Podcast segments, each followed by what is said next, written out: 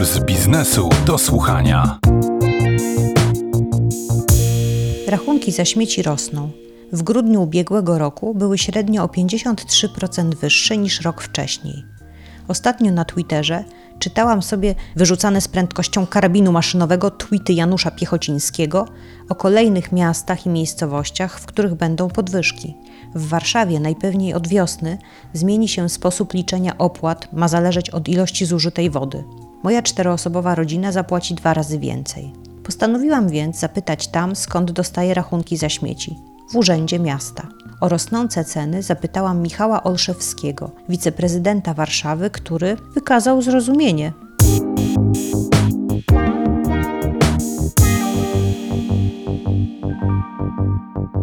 To bardzo martwi, bo tak naprawdę ceny na rynku odpadów y, galopują od dwóch, trzech lat i w ubiegłym roku, czy jakby teraz, jakby widać jakiś rodzaj zakrzywienia tego, tego wzrostu, w sensie, że ono się zakrzywia w tym znaczeniu, że się trochę spłaszcza i po raz pierwszy od długiego okresu czasu mamy sytuację, że ceny przestały rosnąć co nie znaczy, że spadły. I my co chwilę dostajemy informacje gdzieś tam z Polski. Dosłownie w, w sobotę dostałem link gdzieś tam do informacji z Kraśnika, który też w dwóch kolejnych przetargach nie był w stanie wyłonić e, e, firmy odpowiedzialnej za gospodarkę odpadami w budżecie, którym dysponuje.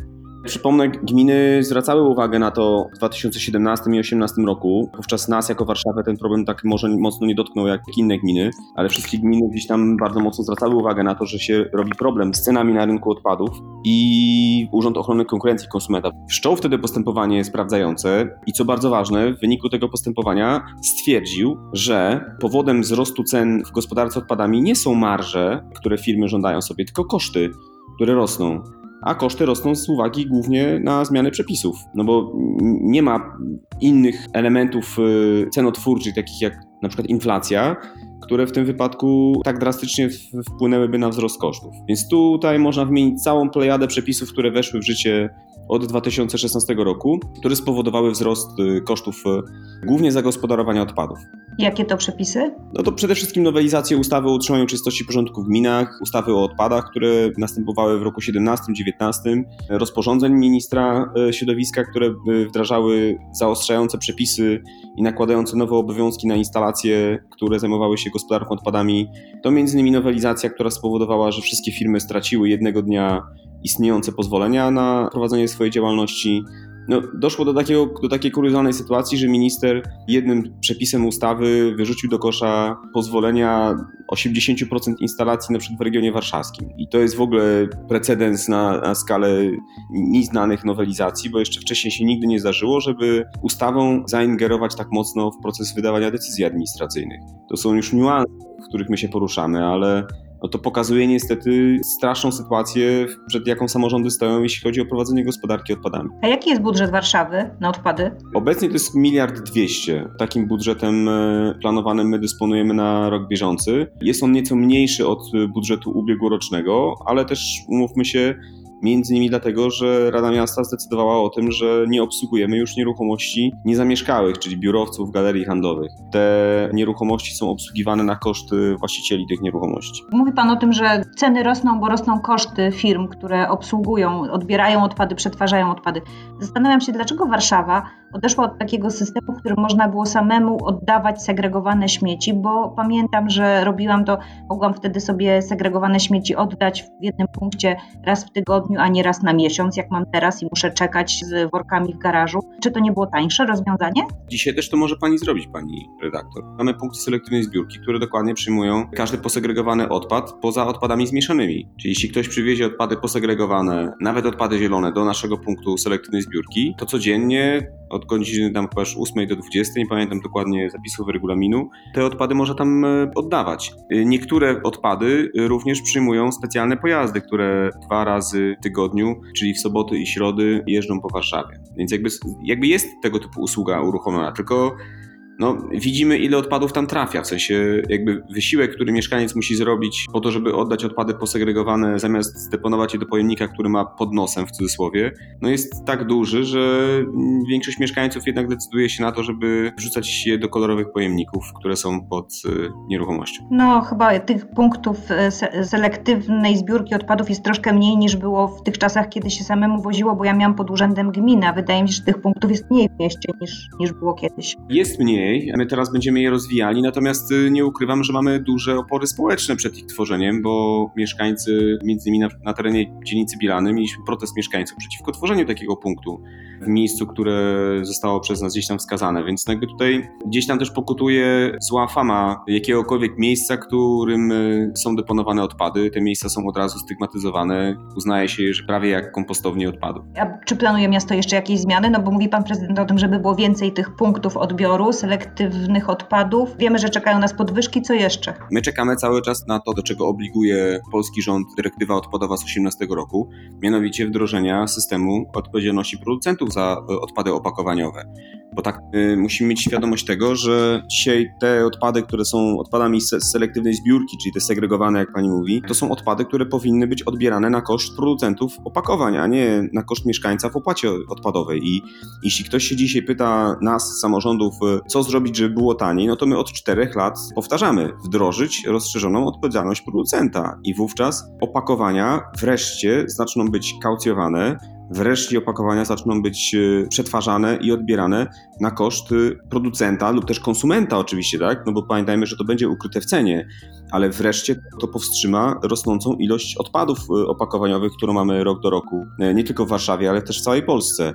I wówczas, podobnie jak to ma miejsce w innych państwach Unii Europejskiej, tego typu punkty, o których pani mówi, czy to będą recyklomaty, czy to będą gniazda, w których będą pojemniki na selektywną zbiórkę, powinny się pojawić masowo w bardzo wielu miejscach, a od mieszkańców spod domu tych odpadów już nie będziemy odbierali, tylko będziemy odbierali tylko i wyłącznie odpady, że tak powiem, brązowe i czarne, tak? Czyli bio i odpady zmieszane, czy tym resztkowe, tak? Dokładnie. Powinno się mówić bardziej fachowo. Ale wówczas mieszkaniec dostanie jasny sygnał, w sensie, że on płaci za te odpady, których nie wysegreguje, a te, które wysegreguje, za nie będzie płaciła, za przeproszeniem, Coca-Cola, Pepsi-Cola, Tymbark, Tarczyn, żeby tutaj nie, nie piętnować tylko i wyłącznie zagranicznego kapitału, firma Nestle i wszystkie koncerny, które na nasz rynek wprowadzają opakowania, głównie z produktami spożywczymi, za które my potem e, jako mieszkańcy płacimy za ich utylizację. I to jakby prawda jest taka, że to w nas bije z dwóch stron. Po pierwsze, dlatego, że producenci opakowań nie mają żadnej motywacji, żeby robić opakowania zwrotne, a po drugie, nie mają żadnej motywacji, żeby robić opakowania z recyklingu bo recyklat, czyli to materiał, z którego się produkuje opakowania, jest dzisiaj o wiele droższy niż surowiec pierwotny, więc y, mamy sytuację, y, co róż przedsiębiorcy, którzy y, zagospodarowują odpady z Warszawy, raportują nam na przykład, w miesiącu grudniu nikt nie odbierał szkła, w miesiącu październiku był problem ze zbyciem PETA. No i tak co chwilę mamy jakąś sytuację, w której się któryś z recyklerów zatyka, dlatego że w Polsce upadł rynek recyklingu i upadł niestety na skutek tego, że we wszystkich państwach wdrożono system e, obiegu zamkniętego, a w Polsce cały czas się datę e, tego systemu przesuwa. Teraz minister mówi o tym, że ta ustawa zostanie uchwalona w tym roku. Przypomnę, poprzedni termin był na lipiec ubiegłego roku i tak cały czas szukamy tej daty i cały czas przypominamy ministrowi przy każdej nowelizacji, że nie ma co tutaj teraz pudrować ustawy, która jest zła, tylko czas w końcu zrobić porządną reformę gospodarki odpadami i wdrożyć ROP, czyli tą właśnie odpowiedzialność producentów. Będę rozmawiała z przedstawicielką ministerstwa i także na pewno ją o to zapytam. A z Pana obserwacji wynika, że śmieci jest coraz więcej? Produkujemy ich coraz więcej? Absolutnie jest. My to rok do roku widzimy i niestety trochę to jest tak, że obiektywne dane nas też tutaj jakby nie uspokajają, bo w Polsce, jeśli dobrze pamiętam, według danych Eurostatu, no one są opóźnione o dwa lata, no, podają stan sprzed dwóch lat, no ale mieliśmy sytuację, w której średnio mieliśmy 300-350 kg na mieszkańca rocznie produkowanych odpadów Wiadomo, w gminach wiejskich to jest 250, w gminach miejskich to jest około 400, ale niestety jest tak, że w krajach wysoko rozwiniętych, takich jak Austria, Niemcy, ale również tak ekologiczne gospodarki jak Dania, tych odpadów na mieszkańca jest 700 kg. Więc my wiemy, że niestety ilość produkowanych odpadów jest pochodną też bogacenia się społeczeństwa i spodziewamy się, że tych odpadów może być więcej. To, co może nas zatrzymać, to właśnie wyrożenie tej odpowiedzialności producentów i zmuszenie trochę rynku do tego, żeby przemyślał, zanim wypuści kolejne opakowanie jednorazowe, za które będzie musiał słono zapłacić. A które odpady są dla miasta największym problemem?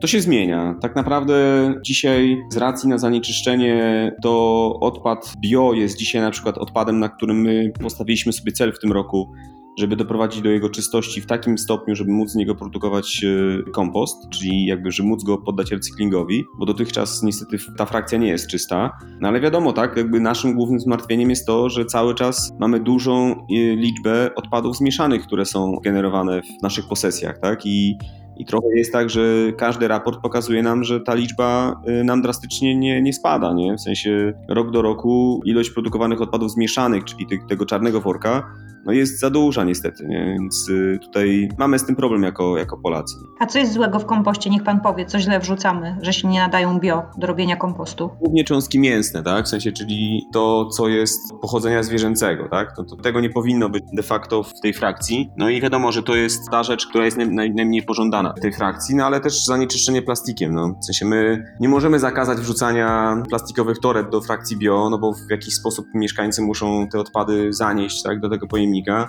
No ale zachęcamy we wszystkich kampaniach do tego, żeby nie wrzucać odpadów bio w workach foliowych. No one może nie są barierą nie do pokonania, ale na pewno wpływają na czystość tej frakcji. No ale przecież worki właśnie bio dostaje brązowy worek i właśnie nawet zastanawiałam, dlaczego to są plastikowe worki, a nie jakieś biodegradowalne worki. Nie znaczenia. Nie byłoby łatwiej? Nie, nie, dlatego że tak naprawdę worek biodegradowalny i tak jest odseparowywany na etapie produkcji kompostu. To pamiętajmy o tym, że o tyle, o ile kompost jest produkowany w cyklach sześciomiesięcznych na przykład, w sensie, czyli tam to jest parę miesięcy, kiedy kompost jest produkowany, w tym czasie ten worek się nie rozpadnie. Czyli jakby w momencie, kiedy ten kompost będzie atestowany, no to zawartość tego plastiku, niezależnie od tego, czy on jest biodegradowalny, czy kompostowalny, on dalej będzie, tak? Jakby oczywiście zawsze jest to mniej obciążające dla środowiska, no bo ten worek kiedyś się rozpadnie szybciej niż tradycyjny worek z polipropylenu, no ale nie, nie łudźmy się, nie? No to jest dalej cały czas plastik, który jest w tej frakcji. Dziękuję za tę rozmowę. Naszym gościem był pan Michał Olszewski, wiceprezydent Warszawy. Dziękuję,